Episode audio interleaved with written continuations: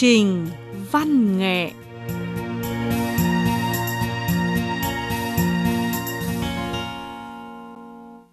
Các bạn thính giả thân mến, hoan nghênh các bạn thưởng thức chương trình văn nghệ cuối tuần trên sóng và trên mạng Đài Phát thanh Quốc tế Trung Quốc do Ngọc Ánh thực hiện. Chúc các bạn đêm cuối tuần vui vẻ.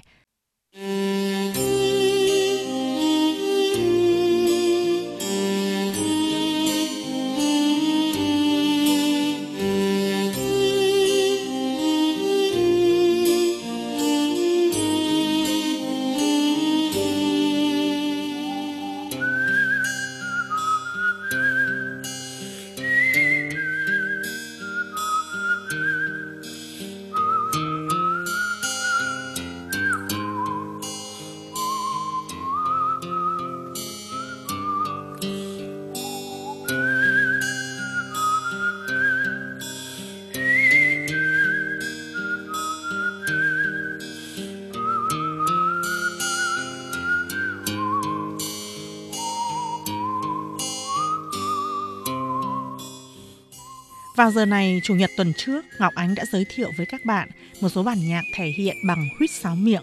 Trong chương trình đêm nay, mời các bạn tiếp tục thưởng thức mấy bản nhạc huýt sáo nhé. Những bản nhạc thể hiện bằng huýt sáo miệng thường có tính diễn cảm mạnh, vừa có thể bày tỏ niềm vui bằng nhịp điệu nhanh, lại có thể lột tả nỗi niềm ưu sầu bằng giai điệu trữ tình. Rất nhiều bài hát kinh điển lưu truyền rộng rãi đã được cải biên thành những bản nhạc sáo miệng rất hấp dẫn.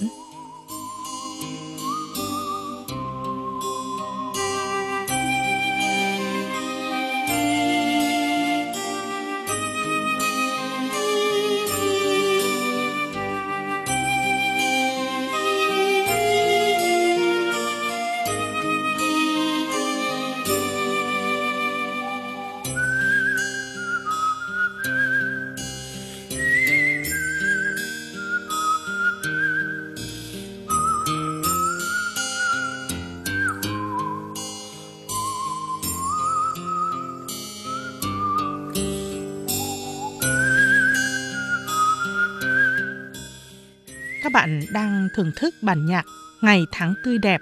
Đây là tác phẩm kinh điển của nghệ sĩ nổi tiếng Đài Loan Trung Quốc La Đại Hữu. Mỗi khi nhớ về thời học sinh trong trắng trong quãng ngày học đường là mọi người lại thích hát ca khúc này. Sau khi bài hát Ngày tháng tươi đẹp được cải biên thành bản nhạc huyết sáo miệng cũng rất hấp dẫn. Tiếng sáo véo von, trữ tình như lại đưa mọi người trở về với quãng thời gian ôm ấp đầy ước mơ của tuổi trẻ.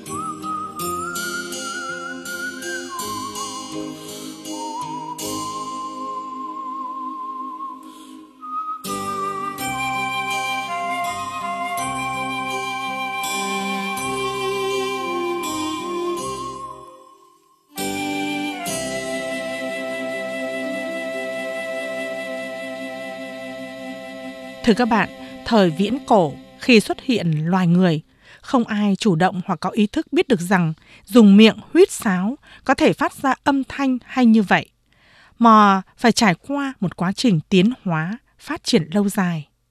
Tiếng huýt sáo ban đầu chẳng qua chỉ là thứ âm thanh tự nhiên trong quá trình hô hấp mà thôi.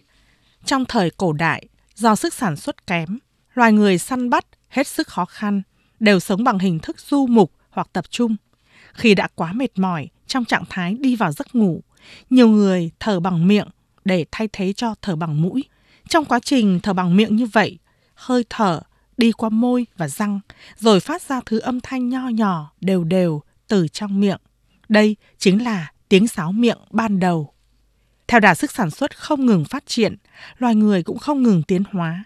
Phát âm tự nhiên của loài người dần dần hình thành mô phỏng theo tiếng chim hót, tiếng run giấy kêu.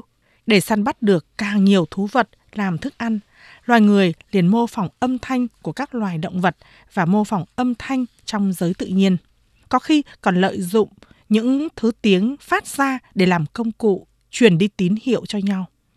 Khi giành được thắng lợi hoặc bày tỏ niềm vui, mọi người thường phát ra từ miệng những thứ âm thanh khác nhau để bày tỏ niềm vui hớn hở.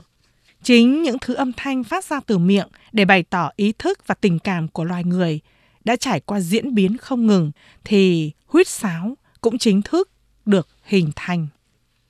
Bài hát Whisper dịch sang tiếng Trung có nghĩa là sáo miệng do ca sĩ Mỹ Florida trình bày do công ty đĩa hát Thái Bình Dương phát hành vào ngày 24 tháng 4 năm 2012. Sau đó, bài hát này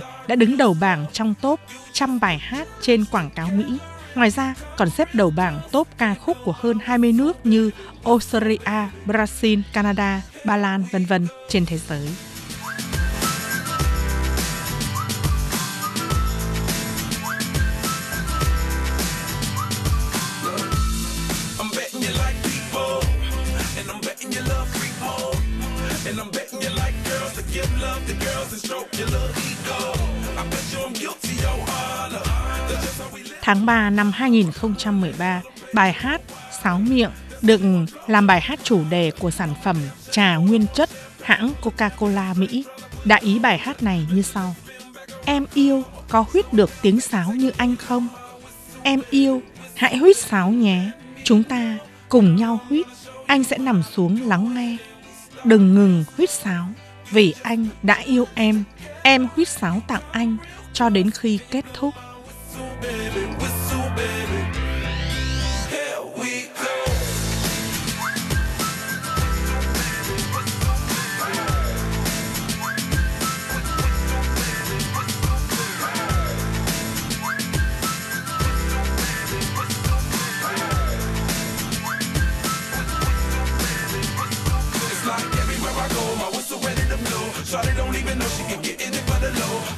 gotta go, it's okay, it's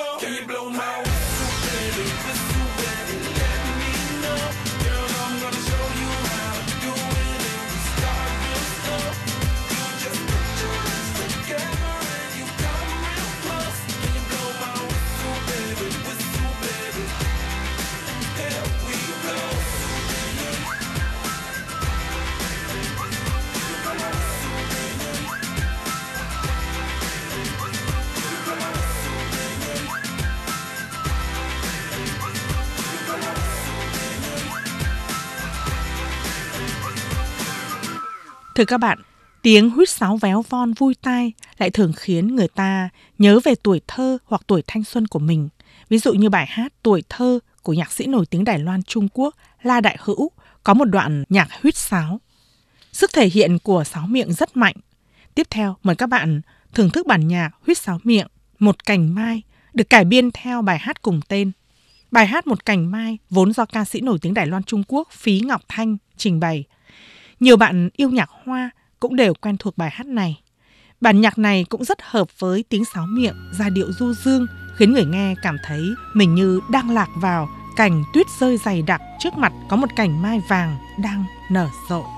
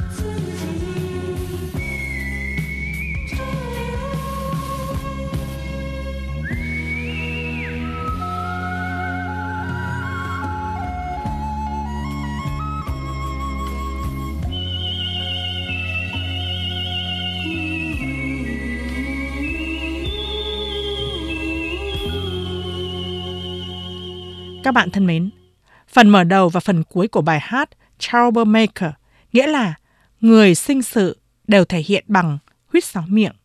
Tiếng sáo miệng đặc biệt của bài hát này từng đứng đầu trong nhiều top nhạc được hoan nghênh nhất. Đại ý bài hát như sau. Để em không thể lãng quên anh, anh thường xuất hiện trước mặt em. Anh thường khiến lòng em rung động. Em không thể nào buông bỏ anh. Anh là con người luôn sinh sự.